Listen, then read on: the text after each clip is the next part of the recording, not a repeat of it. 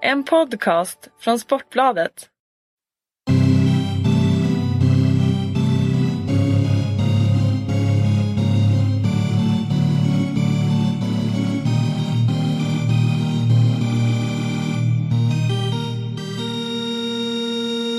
Hej och välkomna till Sportbladets podcast Hockeystudion med mig Johan Garpenlöv och eh, min vän eh, Thomas Ros. Hur mår du? Jag mår jättebra. Det är alltid lika roligt att få göra eh, poddar med dig och, och, bara vara sig själv och bara tycka om världens eh, bästa sport, ishockey. Hur känns det att eh, få frågor ställda till sig och, och få tycka lite? Ja, nu har jag ju tyckt kanske i skrift några gånger.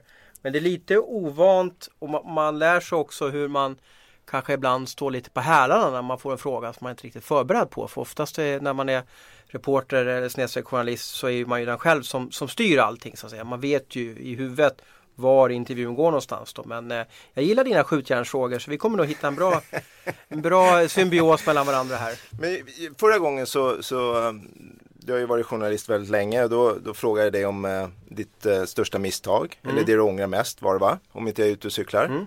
Eh, den här gången ska du få ta ut ditt bästa minne av att vara journalist och vad du har varit med om. Mm. Så ta med dig den så tar vi den som en liten cliffhanger och avslutar med den. Mm, då måste jag få bolla tillbaka ja. som du kommer helt oförberedd på. Då, då vill jag att du ska ta ut ditt största misstag som du har gjort på en is. Men det, mm. det sparar vi lite till senare också. Men fundera på när du kände när du inte kunde sova eh, efter någon match eller var det någon händelse som är hockeyrelaterat. Det vill jag att du bjuder igen på i alla fall. Ja då, vi tar, vi tar det och avslutar med det. Så att, eh, men Ikväll har vi ju sista omgången av SHL, grundserien. I veckan så hade vi en incident eh, där Thomas Bulan Berglund gick eh, hårt åt domaren eh, Per Claesson och sa både det ena och det andra till honom. Han kallade han att han var den sämsta domaren i SHL, svag insats och så vidare. Peter Andersson stod upp för, för Claesson och skyddade honom. Själva incidenten var att eh, de dömde mål för Djurgården eh, där Thomas Bulan Berglund ville ha att det skulle vara målvaktsinterferens. Under hela den här säsongen så har det varit massor med incidenter där man har gått emot det som händer nu i tidigare veckan. Eh, att man inte har dömt mål. Har du någon aning om vad man får göra och inte göra? Jag kan nog inte rabbla det så här i en podd rakt upp och ner utan då vill man nog läsa lite innan till på SHL och, och, och Svehockey och läsa på. Men, men Eh, sammanfattningsvis är att man inte får störa målvakten. Och eftersom vi har fått ett så kallat war room, eller situationsrum nu i svensk hockey så kan ju då storebror eller, eller snedstreck Christer Lärking i det här fallet dubbelkolla och trippelkolla hur motståndaren eller hockeyspelaren rör sig runt, runt målgården. Och det gör ju att det blir ju, titta, klubbspets in i målgården, bort med målet. Och det här hade vi inte tidigare. Va? Det är det som gör att fler mål döms bort för att de vill freda eller att den ska vara en fri zon runt målvakten där. Och jag, jag kan ju tycka att det blir lite så här ah, maskinellt att man ska liksom videogranska varenda liten sekund som, som en motståndare är runt, runt målvakten. Och då, jag vet inte, då får vi någon bedömningssport alla men, NFL här. Tycker, tycker du eh, under säsongen, eh, för det är ju en bedömning i många fall. Vissa är ju solklara som alla ser att eh, ja, det är inget mål eller han är på målvakten. Men de här bedömningarna som har varit under säsongen. Hur tycker du att, för jag, jag skrev en krönika om det här lite grann att jag tycker att målvakterna är fridlysta, man får inte röra dem överhuvudtaget. Jag tycker att man måste vända på den här bedömningen och, och låta, man, låta utespelarna egentligen få röra målvakterna lite lite grann när de ska ta sig in på mål med tanke på vad som händer framför målvakten.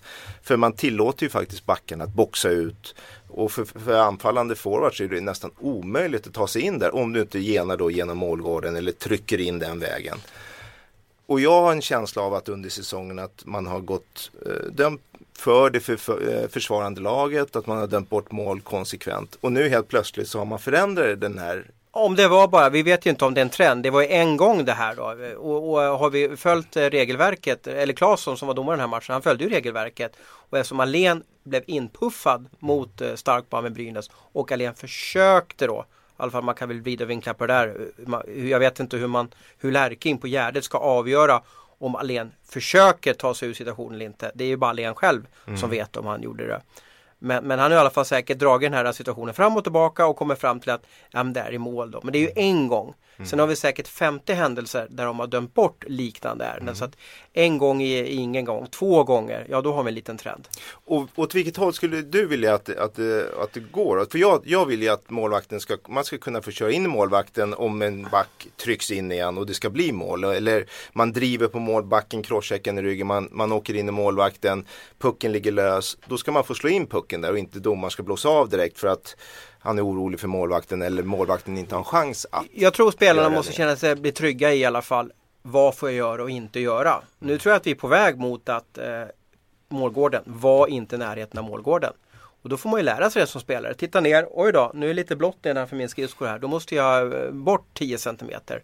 Men det blir också för att eh, jag vet inte hur många tränare jag pratar med som säger liksom antingen på engelska eller, eller på svenska liksom Go to the net, go to the net liksom. Kör mot mål, kör, driv mot mål, driv mot mål. Och det här blir ju svårt då för då kan man ju inte driva helt mot mål utan då ska du liksom driva mot mål och sen stanna en och en halv meter därifrån för att annars riskerar du att bli, bli avblåst. Men jag hoppas och tror att spelarna lär sig det för vi kan inte sitta och ha ha, och ha eh, videobedömningar och att, det blir upp, att matcherna avbryts fem minuter för att de ska kolla en sekvens runt målet hela tiden. va. Det, det orkar inte jag med.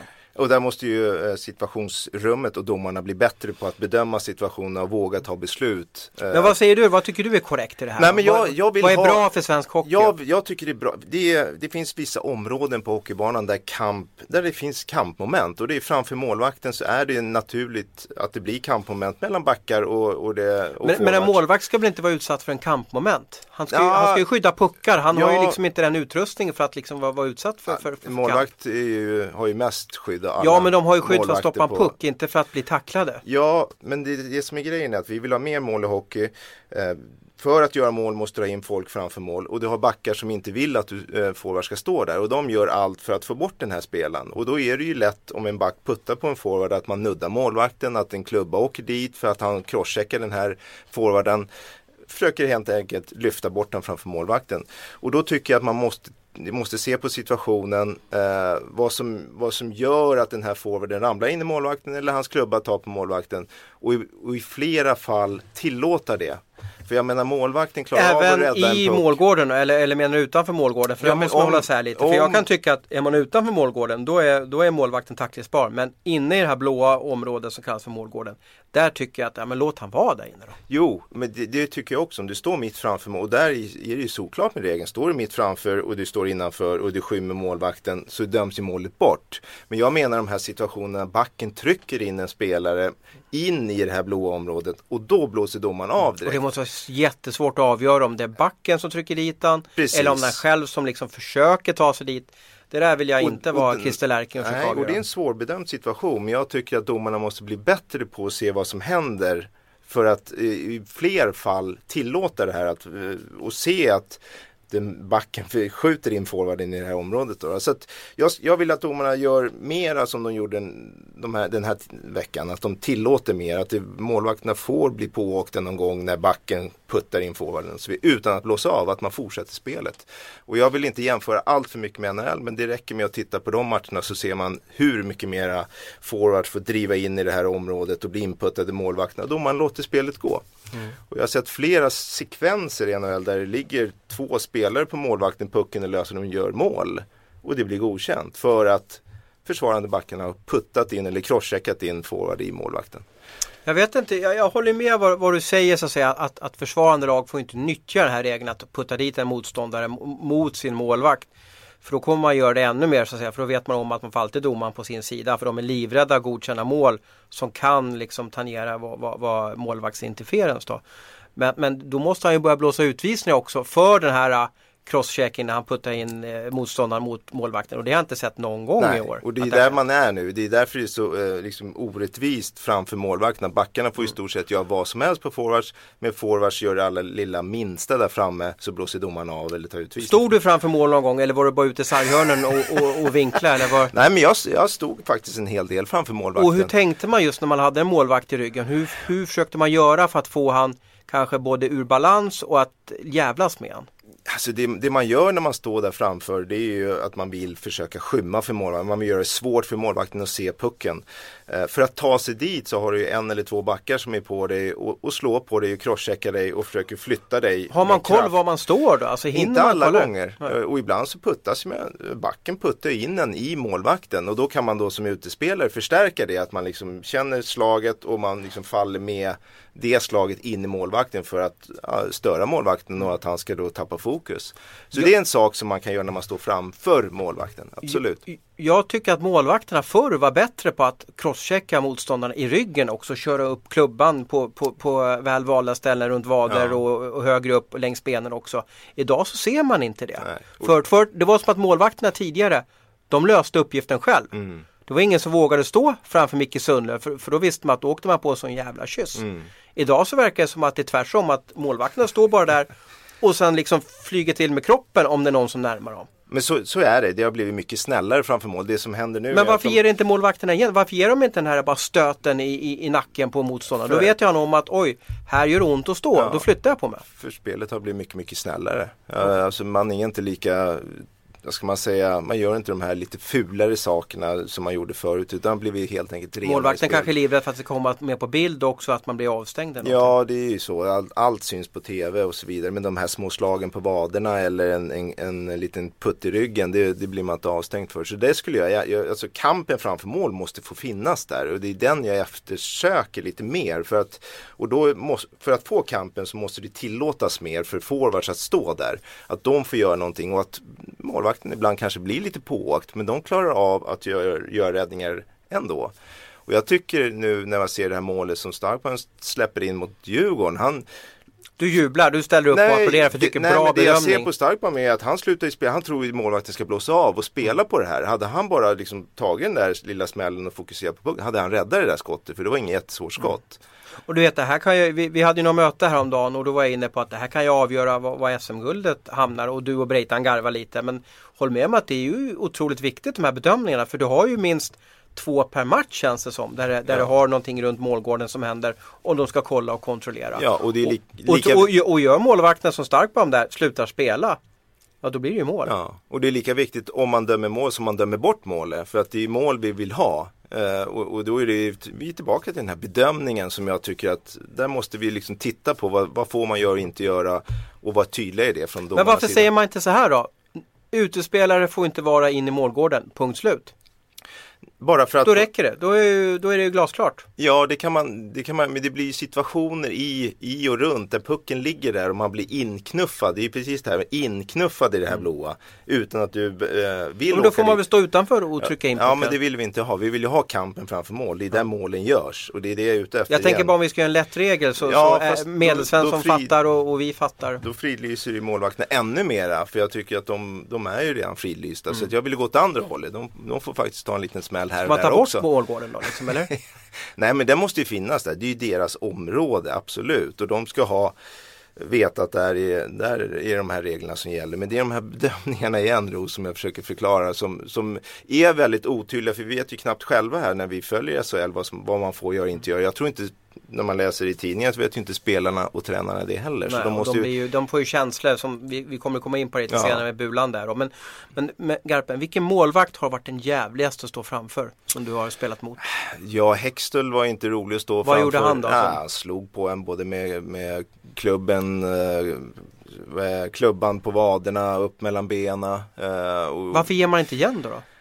Har det till målvakten, då vet du vad som händer där borta. Då får du backarna på det. Då är Speciellt Philadelphias. Ja, och det gällde egentligen alla målvakter. De var väldigt tuffa när man stod där inne. Och jag var väl inte den, jag är ingen slagskämpe på något sätt. Men man har ju fått massor med stryk när man har stått där framför. Men vann Hexel då? Gjorde det att du liksom flyttade på det? Ja, det? Var det så jäkligt? Det som händer när man står framför målvakten som forward och får de här smällarna. I första perioden brukar det gå bra. Andra perioden då börjar man liksom titta sig lite över axeln. Och tredje perioden så är det lätt att man ställer sig lite vid sidan om och inte riktigt står där. Mm. Och det är få spelare som klarar av att stå där match ut match in och då har vi ju en av världens bästa någonsin. Det är ju Thomas Holmström som, som har stått där i under hela sin karriär och fått så mycket stryk. Han har ju offrat sin kropp också. Det har han gjort och det, det, måste man göra om man ska stå där för det, det kostar att få de här crosscheckingarna i ryggslutet eller de här slagen på vaderna eller klubban mellan benen och puckar som kommer direktskott rakt mot en i ansiktet eller på kroppen och så vidare. Så att där, är, där, där beundrar jag verkligen Thomas Holmström och hans eh, mod att stå där match ut och match in. Ja, och stoltheten acceptera också. Ja, vänta, vi ska ha powerplay nu. Vet du. Ja, och så ritar man upp det, de som är skickliga får vara med där. Oj då, nu behöver vi bara någon med stort arsle som kan skymma målvakten. Eh, Holmström, eh, in med det. Det är också lite så här, han ska ju aldrig ha pucken, eller hur? Han behöver ju inte ens ha klubban ja, med sig på isen. Där har ju många fel om Thomas Holmström. Han är ju en jätte, jätteskicklig spelare med, med klubba puck och stå och styra dem här i luften både på backhand och forehand. Jag tycker inte han får eh, tillräckligt eh, cred för, för hur skicklig han är med klubban i Sverige brukar man ju säga att Per Ledin är en av de bättre att stå och, ja, och skymma framför mål. Håller du med att han är, är duktig i SHL i alla fall? SHL ja men han står där och det, det, gör han bra och han vill stå där. Han tar ja, Han är rörlig tycker jag också. Liksom. Men sen handlar det ju om att när du står där att du ska liksom kunna styra puckarna fast du har någon som står bakom dig crosscheckare. Eh, du ska kunna vända om när returerna kommer där och slå in de här puckarna. Och du ska verkligen stå och skymma målvakten när, när de här skotten kommer. Och där, där är ju ingen i Sverige i närheten av Thomas Holmström. Så målvakterna idag kan man säga att de borde lära sig lite av Hextall att ta saken i egna händer. Tryck, se till att de, jävlas med spelarna framför. Ja, lite För då behöver de inte stå och, och, och som Starkman gjorde, sluta spela utan då, då löste han ju uppgiften. Ja, man får ju uh, göra så mycket som man inte får en utvisning. Det är klart att målvakter kan få utvisning för slashing och crosschecking också men de får ju vara smarta som backarna är framför eget mål. Hiring for your small business? If you're not looking for professionals on LinkedIn, you're looking in the wrong place. That's like looking for your car keys in a fish tank. LinkedIn helps you hire professionals you can't find anywhere else, even those who aren't actively searching for a new job but might be open to the perfect role. In a given month, over 70% of LinkedIn users don't even visit other leading job sites. So start looking in the right place. With LinkedIn, you can hire professionals like a professional. Post your free job on linkedin.com slash achieve today.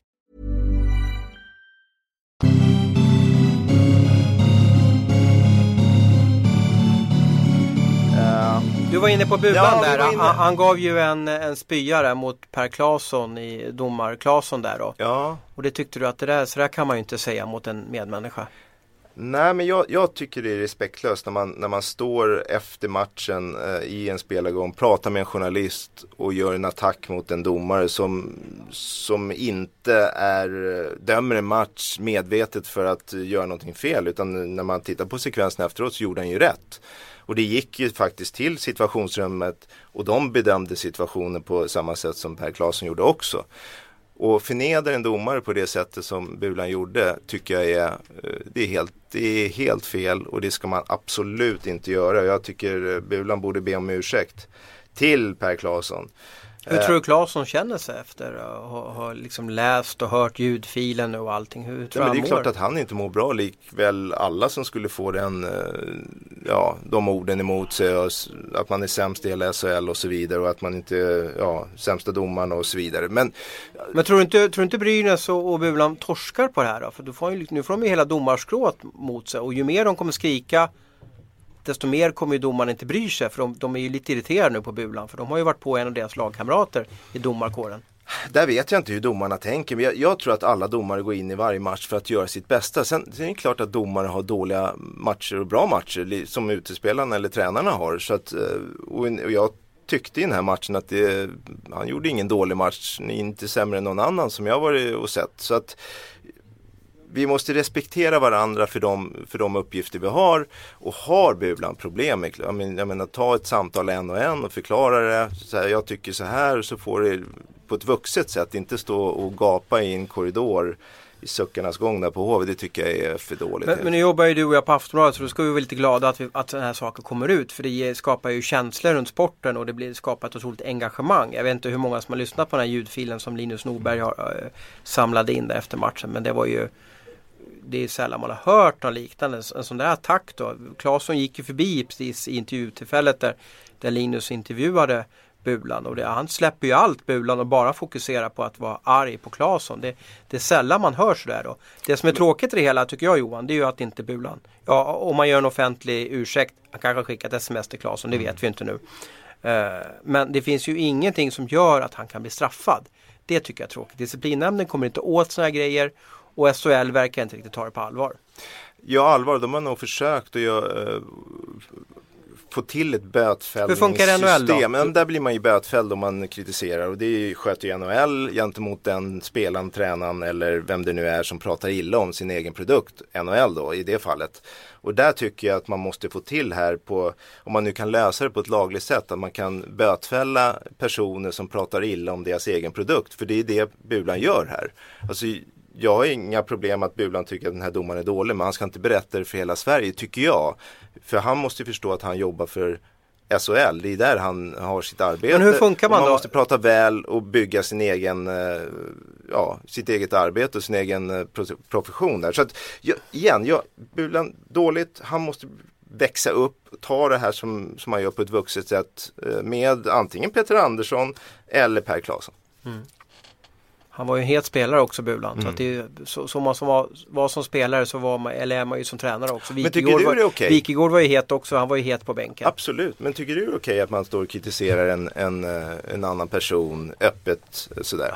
Det blir så svårt för det, först kan man ju säga liksom som, som, en, som, en, som en människan Thomas Roos. Sen kan man ju svara det här som journalisten Thomas Roos. Som, som människan ska du Ja, som människan då. Nu är jag egentligen här i poddform som kanske journalisten. men, men, men, som människan tycker jag det är elakt och, och att han hänger ut Claesson så, så, mycket. Domarna är, har ju en utsatt vardag, så är det. Va? De har ju till och med de har ju till med liksom siffror på ryggen bara för att de inte ska ha namn på ryggen. För att det inte ska liksom bli irritation vad, vad spelarna heter. Domarna har ju till och med slutat att värma upp på isen inför match. Kommer du ihåg att de mm. alltid åkte ut på isen mm. innan? Bara för att det ska vara liksom så anonymt runt, runt domarna. De ska liksom, den perfekta matchen det är att när man inte vet vem som har dömt en match. Jag vet inte ens om de läser upp innan matcherna vilka som dömer matcherna. Mm. De har ju tonat ner dem något enormt så att säga. Till slut så kommer väl alla spela med liksom tonat visir också, alltså domarna. bara för att man inte ska se vem som dömer. Va? Och ta ja. bort siffrorna också.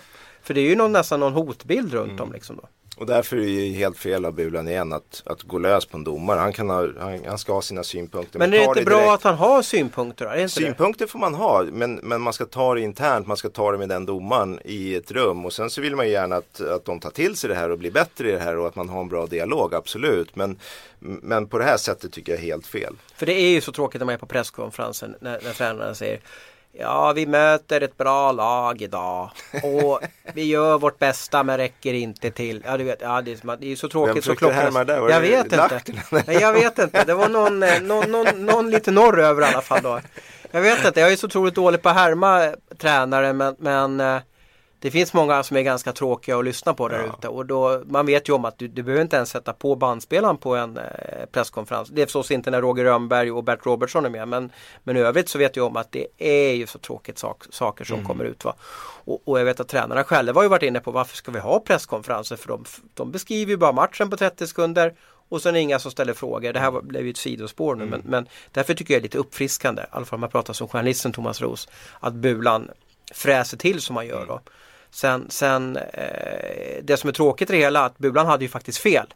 Ja. Målet skulle ju godkännas. Men det var ju någon incident innan också. Det var någon utvisningsincident som gjorde att Bulan först fick puls till 130. Sen vart det 150. Mm. Efter Claesson eh, bortdömde målet. Sen steg säkert till 170 när han fick möta Claesson i suckarnas gång där på Hovet. Och då gick ju propparna på, på Bulan då. Ja det gjorde det. Men eh, vi släpper det där tror jag. jag, jag tror Men vi... eh, Bulan ska be om ursäkt tycker du? Absolut, jag tycker det. Det borde han göra. Jag, med tanke på att han hade fel i, i den här situationen så, så borde han göra det. Sen tycker inte jag att man igen gör det här offentligt. Man, man går inte lös på en, på en domare på det sättet han gjorde det. Så att, uh, det ska han göra. Men, ja. Innan vi släpper det här Ja, det har svårt att släppa ja, det. Ja, men jag, jag, tycker det är intressant mm. här för jag tror att det är lite ett spel också. Jag, vet, jag följde AIKs äventyr i slutspelet för några år sedan när Gunnar Persson och Roger Melin mm eh, körde sitt race i kvartsfinalerna. De sågade domarna vid fotknölarna vid varje match. Mm. Och jag tror att de gjorde det medvetet, inte för att de tyckte att domarna var dåliga utan att bara att de ville försöka få någon millimeter på sin sida. Att domarna skulle försöka, oj då, gör jag något här fel mot AIK då blir jag toksågad i media och det är ju jobbigt och mina unga läser och så vidare.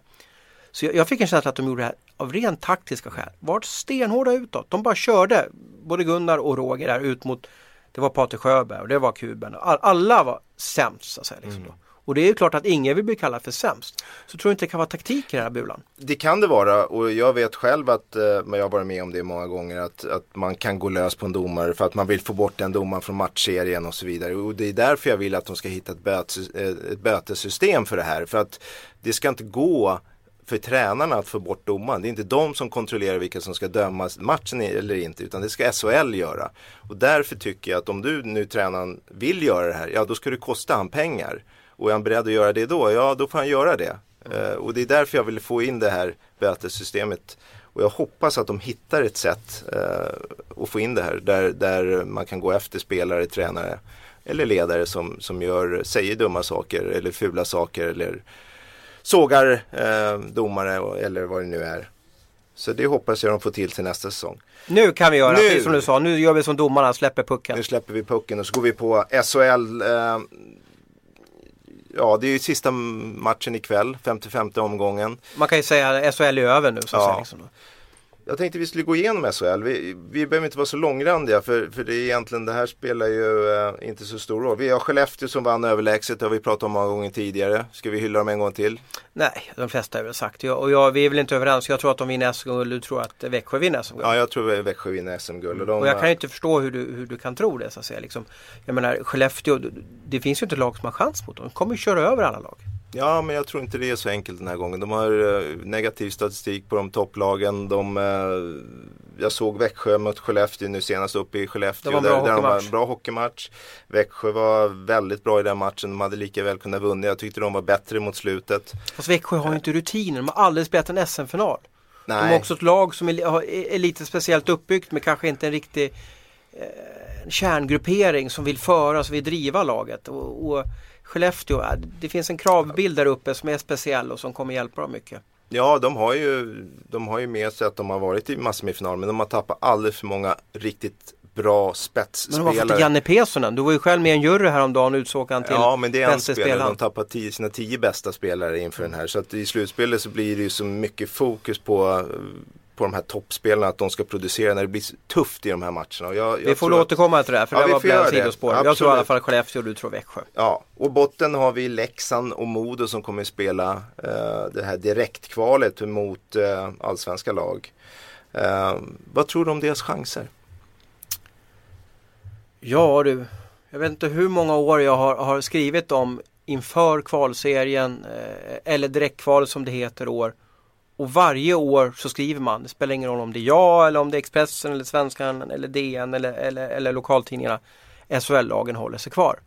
Men ser man eh, senaste 12 åren eller 15 åren så finns det ju ett snitt på att ett lag åker ur högsta serien per år. Mm. Nu är det ett nytt system i år. Nu är det så här direktkval, det vill säga man möter samma motståndare minst fyra gånger, kanske upp till sju gånger. Och det, nu blir det ju en, en bild av de här matcherna som vi inte vet. Mm. Jag kan tänka mig att SHL-laget åker dit en match. Men sen har de ju samma lag de möter igen matchen efter. Och då borde SHL-lagen vara så mycket skickliga att de kan skruva till det lite. Eh, och, och bevisligen är de ett bättre lag, de har bättre spelare i SHL-lagen. Och de möter ju också, de behöver ju inte möta det näst bästa laget i Allsvenskan, de behöver inte ens möta det tredje bästa laget i Allsvenskan. De får ju möta lag 4 och 5.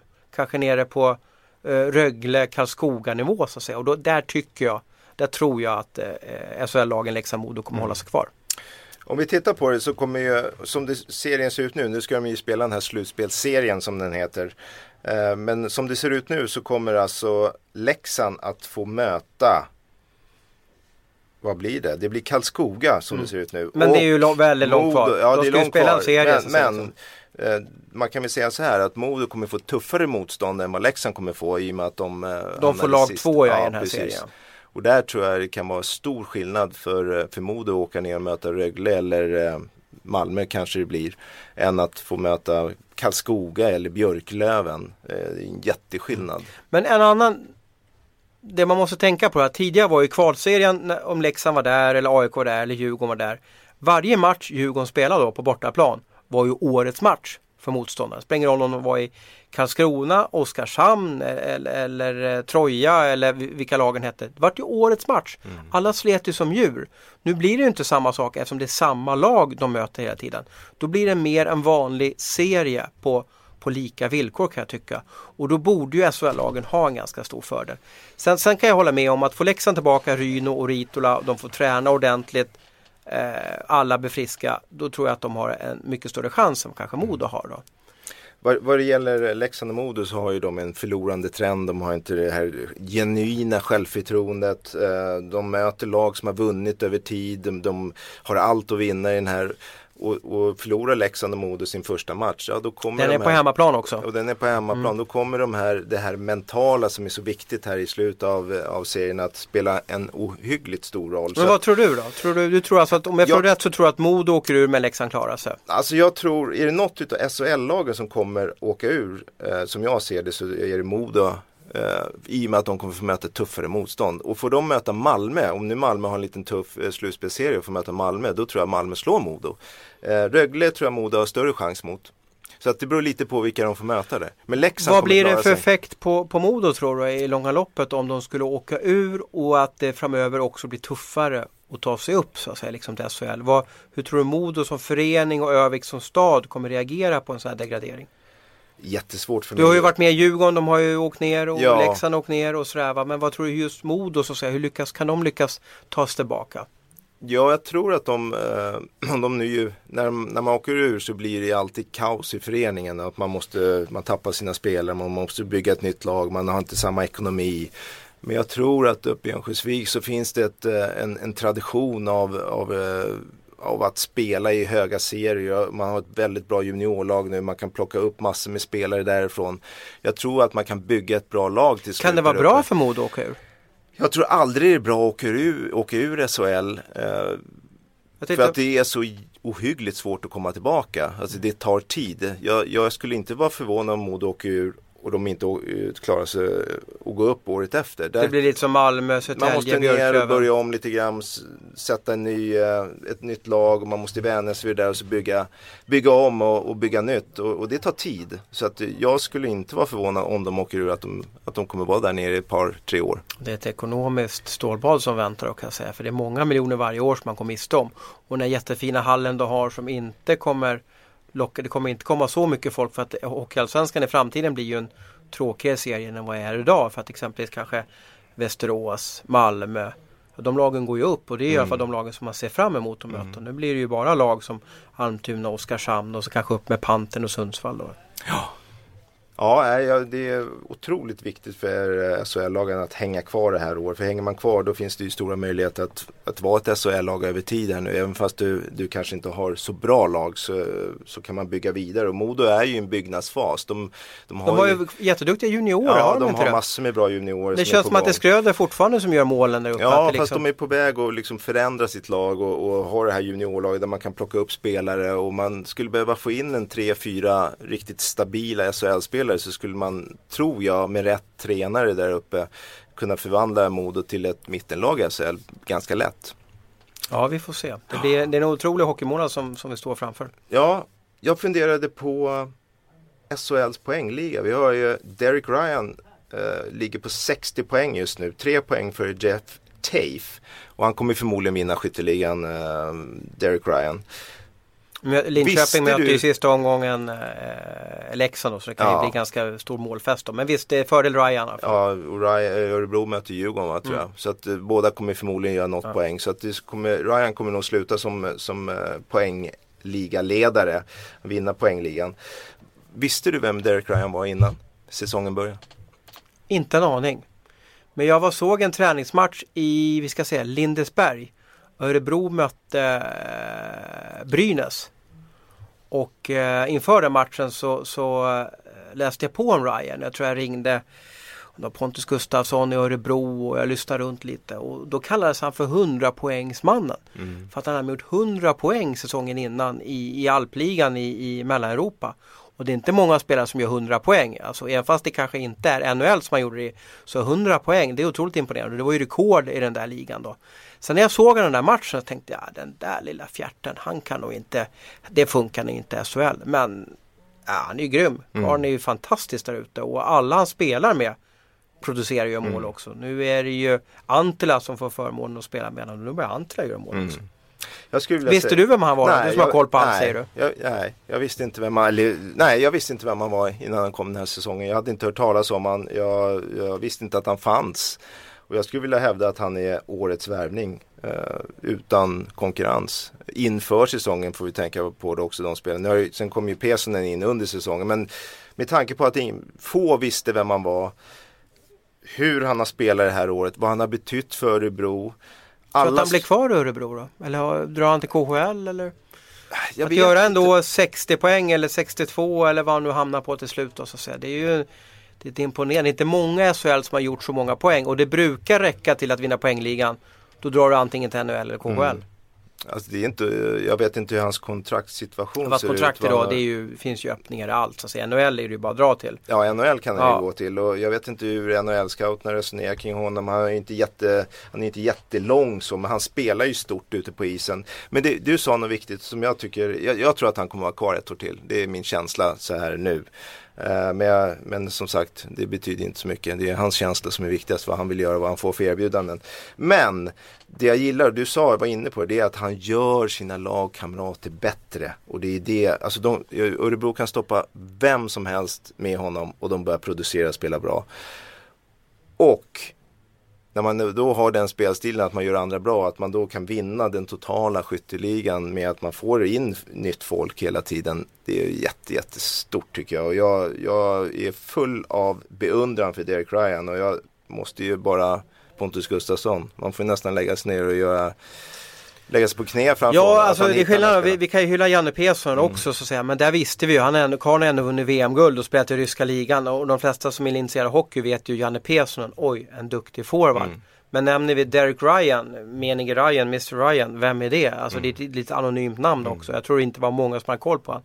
Nu hörde jag att Leksand var ju på honom också då. Mm. Eh, Men då ville han bo i en större stad och, och, och eh, hade väl en tro också som det kanske var, var Mm. lättare att utöva i, i Örebro där. Eh, men det är en otrolig värvning och, och jag skulle vilja se eh, Det skulle vi kunna serva an på datorn men det är ju också sista Kanske 40 omgångarna, det är då han har exploderat. Så att säga. I början så hade han varit, händer inte så mycket men det är ju på slutet här, det är då han har bombarderat. Vi säger att Örebro får Växjö, så att du kollar lite på en sån eventuell kvartsfinal setup.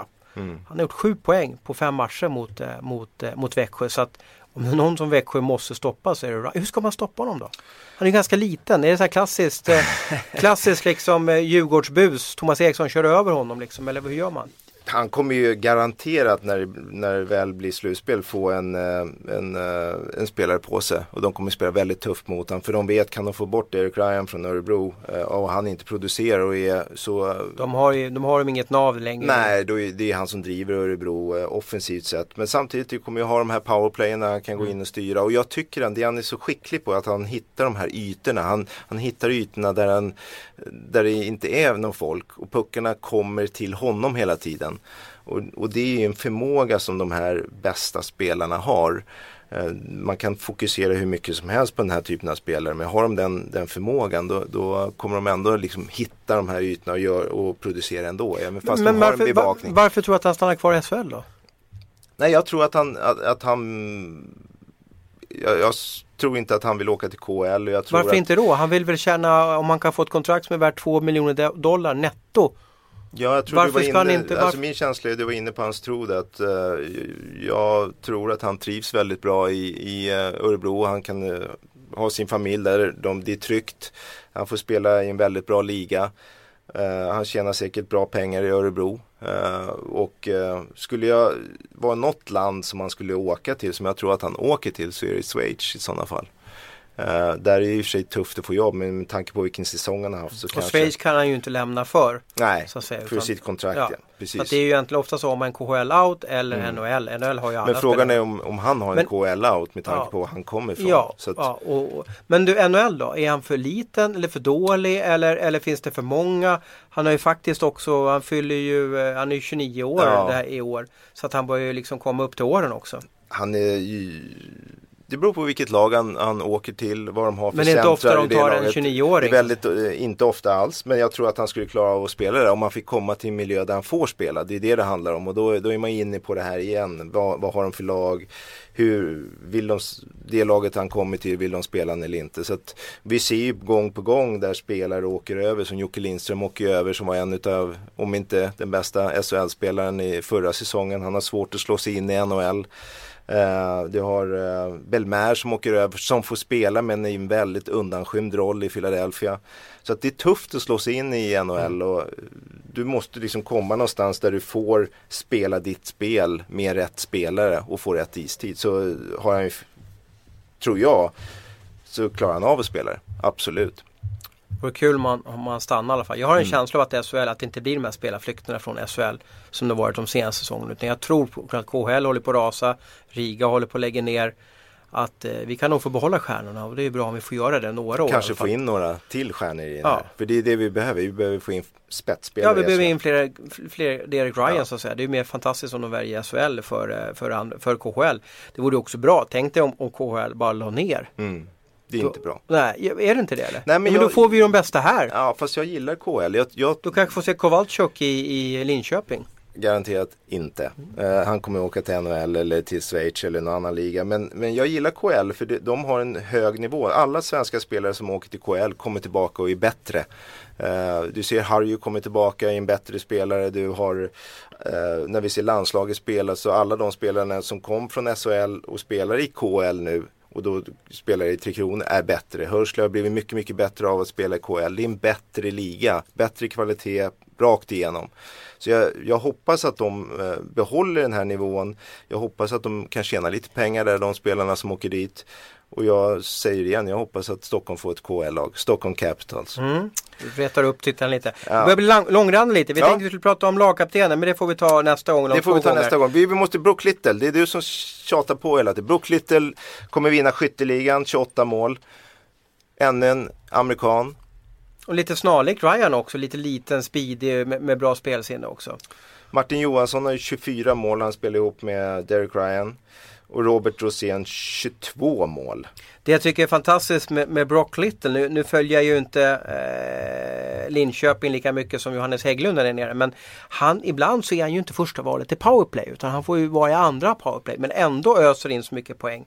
Och istiden, ja, han ligger på 17.46 ser jag i snitt här. Men, men ändå inte, alltså det, han, han får ju inte spela med, med Tafe och McFlicker. De brukar ju slänga in eh, lite andra spelare där. Och så det är häftigt att vara andra kedjespelare och, och vinna målligan. Brook Little är en sån här spelare som kan göra det själv. Han behöver inte spela med bra spel utan han kan ta pucken, åka igenom, skapa, bryta igenom backar, finta upp backar på, på D-läktaren och, och sen göra mål själv. Och det är det hans förmåga och skicklighet är. Och jag, jag, tror att backarna som möter Brock Little är lite oroliga Tänk dig Derek. Ryan och Brock Little i samma kedja. Ja. Det kanske skulle funka ganska bra. Om, om Samtidigt- du fick bygga det i Stockholm Capitals då, vem skulle du välja av Brook Little och, och Ryan där då? Jag skulle välja eh, Derek Ryan alla gånger. För du kan sätta vem du vill. bredvid. Ja, center det är liksom den här eh, Det är de som driver laget framåt, centrarna, backarna och en bra målvakt. Så att eh, Derek Ryan skulle jag ta direkt. Snyggt. Eh, målvakt, eh, Julius Hudacek, eh, bästa räddningsprocent 93-17. Eh, spelat många matcher, 44 matcher. Eh, Tycker att han är bästa målvakten i SHL.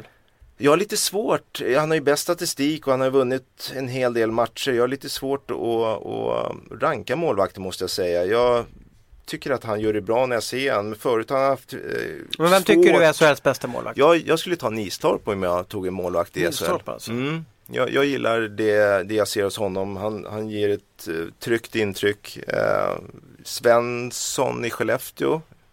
Det är lite tufft. Jag lider lite med Svensson. Han vinner SM-guld men det är aldrig man nämner målvakten när man Mm. Nej. pratar Skellefteå. Jag gillar han också så att eh, de två eh, skulle jag. Sen är Hudacek ju också bra absolut. Men... Han har väldigt bra statistik Hudacek alltså. Ja. Och, och eh, den gode Stefan Liv som tyvärr lämnar oss alldeles för tidigt. Han var så galen många år för att och ni journalister, ni bara kikar på räddningsprocent och, och eh, s- målsnitt så att säga. Mål, så att säga. Men det finns ju en statistik som inte har i Sverige som är absolut det viktigaste. Och han menar ju antal vinster.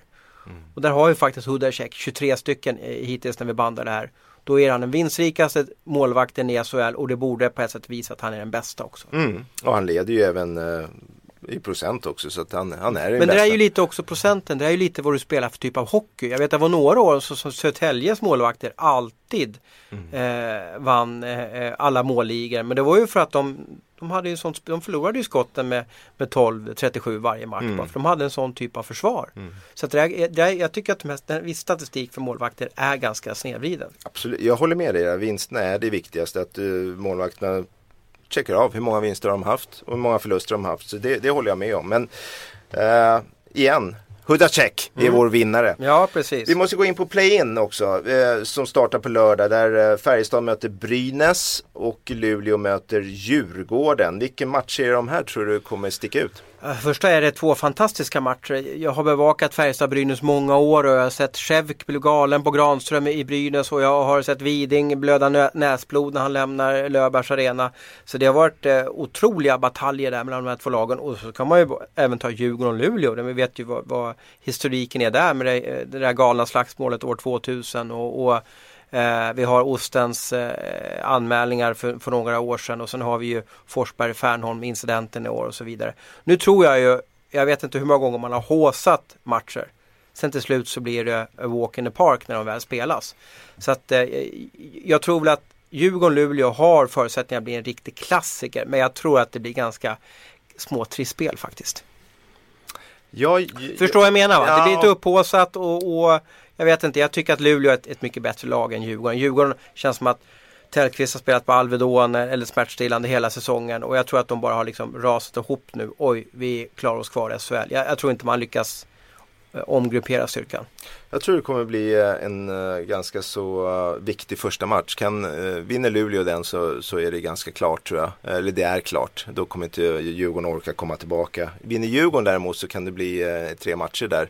Eh, och en tredje match så, så vet man ju aldrig vad som händer. Men Luleå är ju klart bättre i laget. Eh, de har ett bättre spel. Eh, framförallt i spelet med puck. Eh, målvaktssidan så, så Lassinantti tycker jag också har spelat bättre än vad Tellqvist har gjort det här året. Så att eh, jag skulle, eller jag gissar att Luleå kommer vinna den matchserien. Eh, Färjestad mot Brynäs är ju samma sak där. De har, de har ju stött på varandra många gånger här i slutspelen genom åren och den senaste, de senaste åren också. Där eh, var jag uppe och såg Brynäs spela nu mot eh, Djurgården här nu senast och vart inte eh, positivt överraskad över Brynäs spel. Jag tyckte det var väldigt dåligt. Hur tror du spelarna ser på det här play-in? Är de liksom så att de inte riktigt orkar gå igång på det? Eller vad, hur tror man känner sig som spelare? Jag tror spelarna går igång på play-in. Att man har en andra serve? Absolut, ja, men de måste ju vinna de här för att komma in i riktiga slutspelet. Att, Kan man ibland känna så här då? Jag vet inte. Men, men om, det kanske är som att svära i kyrkan. Men, man vet ju att okej nu kanske två matcher kvar. Sen är det över. Sen kan jag dra med frugan till Mallorca. Eller jag kan ta fram golfklubben och dra med polarna till, till eh, Spanien eller någonting sånt där. Kan inte det locka lite också att, att förstå att säsongen blir över? Ingenting när det går eh, för att, eh, eller när det blir slutspel, då, då liksom vänds allting till någonting positivt. Man får en härlig känsla. Det är, det är, det är liksom Känner man inte att det är så lång bit kvar ja, vi Nej. kommer ändå torska i Man kvartsfinalen. gör inte det. Man får den här roliga. Det är det här man spelar för i de här 55 omgångarna, går till slutspelen. När man väl kommer dit, då, då blir en konstig känsla. Man, man får massor av energi. Och man, man ser bara möjligheter, man längtar till matchen och man får pigga ben och man, man, man studsar runt där och bara längtar efter att det ska dra igång. Och det tror jag båda de här lagen eh, har. Eh, sen kommer Djurgården eh, ha allt att vinna det här med tanke på deras säsong och vilket lag de har och, och skador och så vidare. Där har ju luften gått ur att åh, vi klarar oss och så oj, nu får vi helt plötsligt spela play-in här och kanske gå till slutspel. Där kommer ju allting bara vara positivt. De kommer ju slita arslet av sig i första matchen för att vinna den. Eh, Luleå har lite mer press på sig. De har haft en bättre säsong. Eh, de borde slå Djurgården och så vidare. Och det är samma sak med Färjestad och Brynäs. Så att, eh, pressen ligger på Färjestad och Luleå. Eh, och jag tror de kommer vinna mot eh, respektive lag. Eh, Brynäs och Djurgården. Men eh, jag är inte för play-in överhuvudtaget. Jag tycker att man inte ska, det ska bort. Jag tycker Du har att varit man inne ska på att förtjäna, lag 10 ja, ska inte vara 9 och 10 ska Det är nästan få 50 chansen. poäng mellan, mellan Brynäs och Skellefteå men Ja. ändå har Brynäs chans att, att eh, vinna SM-guld. Det är lite speciellt Ja, faktiskt. jag tycker det är, det är katastrof tycker jag. Man måste förtjäna sin plats att få spela ett slutspel och det, det tycker inte jag Djurgården och Brynäs har gjort. Nej. Vi hade ju lite cliffhangers i, i början av programmet där. Mm. Bland annat så var jag lite nyfiken på, för du var ju på mig här för några dagar sedan och mitt största misstag var som, som journalist och jag, jag drog upp det, OS 2006 där när jag plockade fel back som skulle in och ersätta notan då. Men vad vad är den största fadäsen som du gjort på isen eller, eller runt hockeyn som du kände att det där vart inte bra? Uh, jag har jag har två, eller, jag- jag- två saker jag tänkte berätta. Det, det första är eh, vi möter Toronto i gamla Maple Leafs eh, Garden och vi kommer dit med San Jose. Och innan matcherna där när man åker ut eh, så brukar de ha ju ceremonier där de rullar ut röda mattor. Eh, och den här gången så hade de rullat ut en röd matta. Då, då rullar de ut det som ett T. Och då, när man, eh, då ligger den ganska lång. Det är ganska mycket folk som kommer ut där. Så det är ganska lång bit, nästan mellan hela blåa. Från blåa till blåa i mittzon. Det är släktingar och... Eller, Ja, det är släktingar ja, eller så är det någon militär eller det är no, det är no, jag kommer jag kommer inte exakt ihåg vad det var för någonting. Och, och i, i Maple Leaf Garden så när man kommer in till match så kommer man in genom eh, där Rolban åker in. Eh, alltså bakom målet. Så jag då, som jag alltid gjorde när man kommer in, man, man studsar in på isen så rycker man så man åker som fan upp, eh, upp till blåa så bågar man ner för att komma ner. Och det var mörkt, det var släckt där inne. Eh, så att eh, när jag då tar mina översteg så helt plötsligt så bara tokramlade jag. Då låg den där, åkte jag rakt in i den där röda mattan. Ramlade rakt fram, gled in i sargen där mot, eh, mot båsen där tränarna de stod. Eh, de hade ställt upp något bord där, där det ramlade ner någon, någon, sån här, någon tallrik eller vad det var för någonting. Och, och tränarna när jag ställer mig upp i sargen så står alla tränare och tokgarvar åt mig. Som tur var så var det ju mörkt i hallen så var det inte så många som såg det. Men det var en hel del folk som såg det där. Men det kom inte Man känner sig inte direkt tuff när man reser sig upp där. Nej, det, då, då kände jag mig så här, tur att det var mörkt och ingen såg det här. Men eh, så det, det åkte jag fundera på ett tag där när matchen började. Eh, det andra är, jag har haft eh, en förmåga att i, i övertid träffa eh, stolpar och ribbor och, och få mål bortdömda när, eh, när vi ska spela sadden. Och vi har ju den här gamla klassiska World Cup. Eh, Det är det när man, när man googlar dig på via Youtube där, så är det, då får man ju upp de här stolpträffarna. Så Det Ja. är lite fa- fascinerande, för du hade ju en lång och fin karriär men det verkar som att den här jävla stolparna eh, ble, blev lite det man eh, känner igen dig för då. Ja, det är ju där World Cup där mot Kanada när jag drar den i, i stolpen och, och några minuter efteråt så vänder spelet, eller ja, Flurry gör mål där på oss i övertid. Där, där vi borde ha vunnit mot Kanada i den övertid. Vi var bättre än dem tycker jag, sett över matchen och även i övertiden. Men det handlar om att göra mål. Och sen den andra är i, faktiskt med San Jose när jag spelar med Larion och Makarov och, och vi har övertid. Och vi leder med tre 3-1 i matcher mot eh, Toronto. Eh, tror jag det var. Ja, 3-1, eller var det 3-1 eller 3-2 matcher. Övertid. Och jag drar ner också i, den här gången i ribban. Och sen så samma sak, eh, två minuter efteråt så gör Gartner mål. Och de vinner den matchen och så kommer de tillbaka i matchen och vinner den. Eh, och sen har jag faktiskt en övertid mot Rangers också där i slutspel också. Eh, in, ingen avgörande match men eh, där eh, där jag gör mål och sen så blir det i en sån här målsituation Mellanby som jag spelar med inknuffad i målvakten och dömer bort målet. Eh, Så det är tre sudden-vinster som jag hade kunnat fått och då hade man ju varit hjälte istället. Ja, hade du satt den där i, mot Kanada i World Cup där, då hade du blivit riktig hjälte. Då hade du Mm. gått in i folkhemmet där. Ja verkligen, då har man blivit ihågkommen. Hur länge grämde du över den där missen? Nej men ganska Nu var det ju bra att träffa mål också, man kan ju vrida och vinkla på Ja. allting. Men det var ju millimeter från att, att, eh, att du hade bara släppt handskarna och åkt och, och, jublat på isen. Ja, ja men det är ju så. Det är ju även, det var ju andra under den där tiden eller övertidstiden som hade. Var det här 96? 96 ja Ja. precis. Jag tror jag- Semifinal mot Kanada i World Cup. Ja, i Och Philadelphia. Ja, Hade vi vunnit den hade vi gått till final och mött eh, USA tror jag Ja. det det. Då kanske vi hade vunnit hela World Cup. Ja, vi hade, stora vunnit någon med, vi hade ett bra lag där också så att det, det var lite synd. Nej men det, man tänker, ja det gör man ju direkt efter och någon dag efter, sen släpper man det där. Och sen ibland så tänker man Fick du tillbaka. mycket frågor efter den där? Att, Ja men det Hur blev en tänkte del du? Hur frågor. kände du? Vad- Ja. ja. Och sen ju även efteråt sen när man får frågan. men var det där, vi har ju umgås ett tag nu, så att säga, var det där du valde att inte prata med media för att du orkade inte riktigt? Eller när var det du fick några frågor om det här? Var det från Södergren du fick några frågor? Ja, det var Södergren direkt efter när jag kliver av. Håkan Södergren han ja, jobbar på Viasat alltså. Och då orkade du inte Nej men då det? hade jag inte så mycket ord och så. Så Du gjorde en omvänd bulan, du var besviken men du höll tyst. Ja, säga, ja, liksom. precis. Det var inte så mycket mer att säga. Vi hade förlorat så det var ju bara att gå in och förklara varför jag sköt i ribban. Det var, var inte det första jag ville göra. Så att, Nej, och hur förklarar man det? ja. Nej, det är inte så mycket mer än att säga att man sköt i ribban. Nej, men så, att, så, så var det. Men vad var det du skulle göra? Ditt bästa ögonblick? Ja, det där är ju så svårt för då kan man också börja gå till vad människan Thomas Ros eller journalisten Thomas Ros. Men, men förra gången så skulle jag ta ut ett misstag jag gjort som jag, som jag tyckte det var jobbigt. Det var ju 2006. Men, men det mästerskapet, OS slutade ju på ett fantastiskt sätt. Och att få vara med på hela den resan i Turin där, det var ju noll hockeyintresse. Det, det var ju, hallen var ju bara 3000 eller 4000 åskådare så att säga. Och vi satt jättedåligt på pressläktaren. Men få se den här finalen, jag tror den började redan 12.00 mellan Sverige och Finland. Det slutade ju oavgjort. Eh, in med Lidström, Forsberg, Sundin och alla tre rör pucken innan Lidström sätter 3-2 målet där.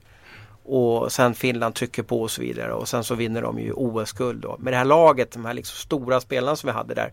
Det var fascinerande att få se matchen och få prata med spelarna efteråt. Och vet du vilken spelare som var längst kvar i den mixade zonen? Det är det här utrymmet där media träffar, träff, träffar spelarna efter den matchen där Sverige-Finland. De tre spelarna i sig. Nej, det var de inte. Men det var annan, en väldigt stor spelare. Henrik liksom. Lundqvist kanske? Nej, det var Teemu Selänne. Oh, Han stod kvar OS. längst och pratade med allt från Ilta Saloma till, till, till kamratposten till bloggare. Han tog sig tid för alla och givetvis var det ju mm, Finland var ju så nära att vinna OS-guld och då hade ju på den här tiden 2006 Finland hade ju inte vunnit så mycket. Nu vann de ju VM-guld här 2012. Elva. Ja, ditt första... eh, 11 tror jag det var. var det 10 2000? eller 11. Ja. Ja, 11 där vann de ju 11. VM-guld. Så då har de ju fått vinna VM-guld och så vidare. Va? Men det här var de ju nära OS-guld vet du. Mm. Och då sa man ju redan då att det här var Sälenäs sista chans. Sen spelade han ju hockey i åtta år till då. Jag sa sista OS. Han spelade ju ja, 2000. ja, ja, ja. Men just minnet där han står kvar och hänger och pratar och det är inte bara några floskler utan han bara välbeskrivande förklarar precis allting hur han känner sig liksom sådär va.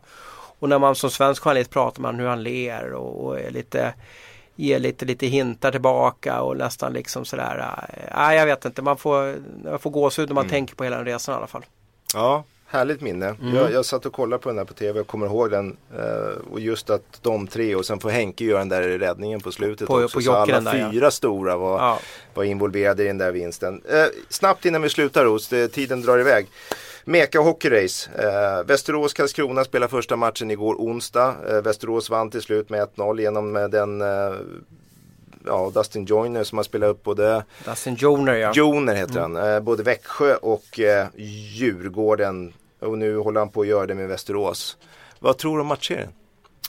Jag tror ju att den matchbilden som Västerås fick igår måste ju vara så skön att ha med sig. De ligger under, de pressar, pressar, pressar, förde ju hela matchen. Vann skotten ganska mycket och så lyckas de vända och vinna med 2-1.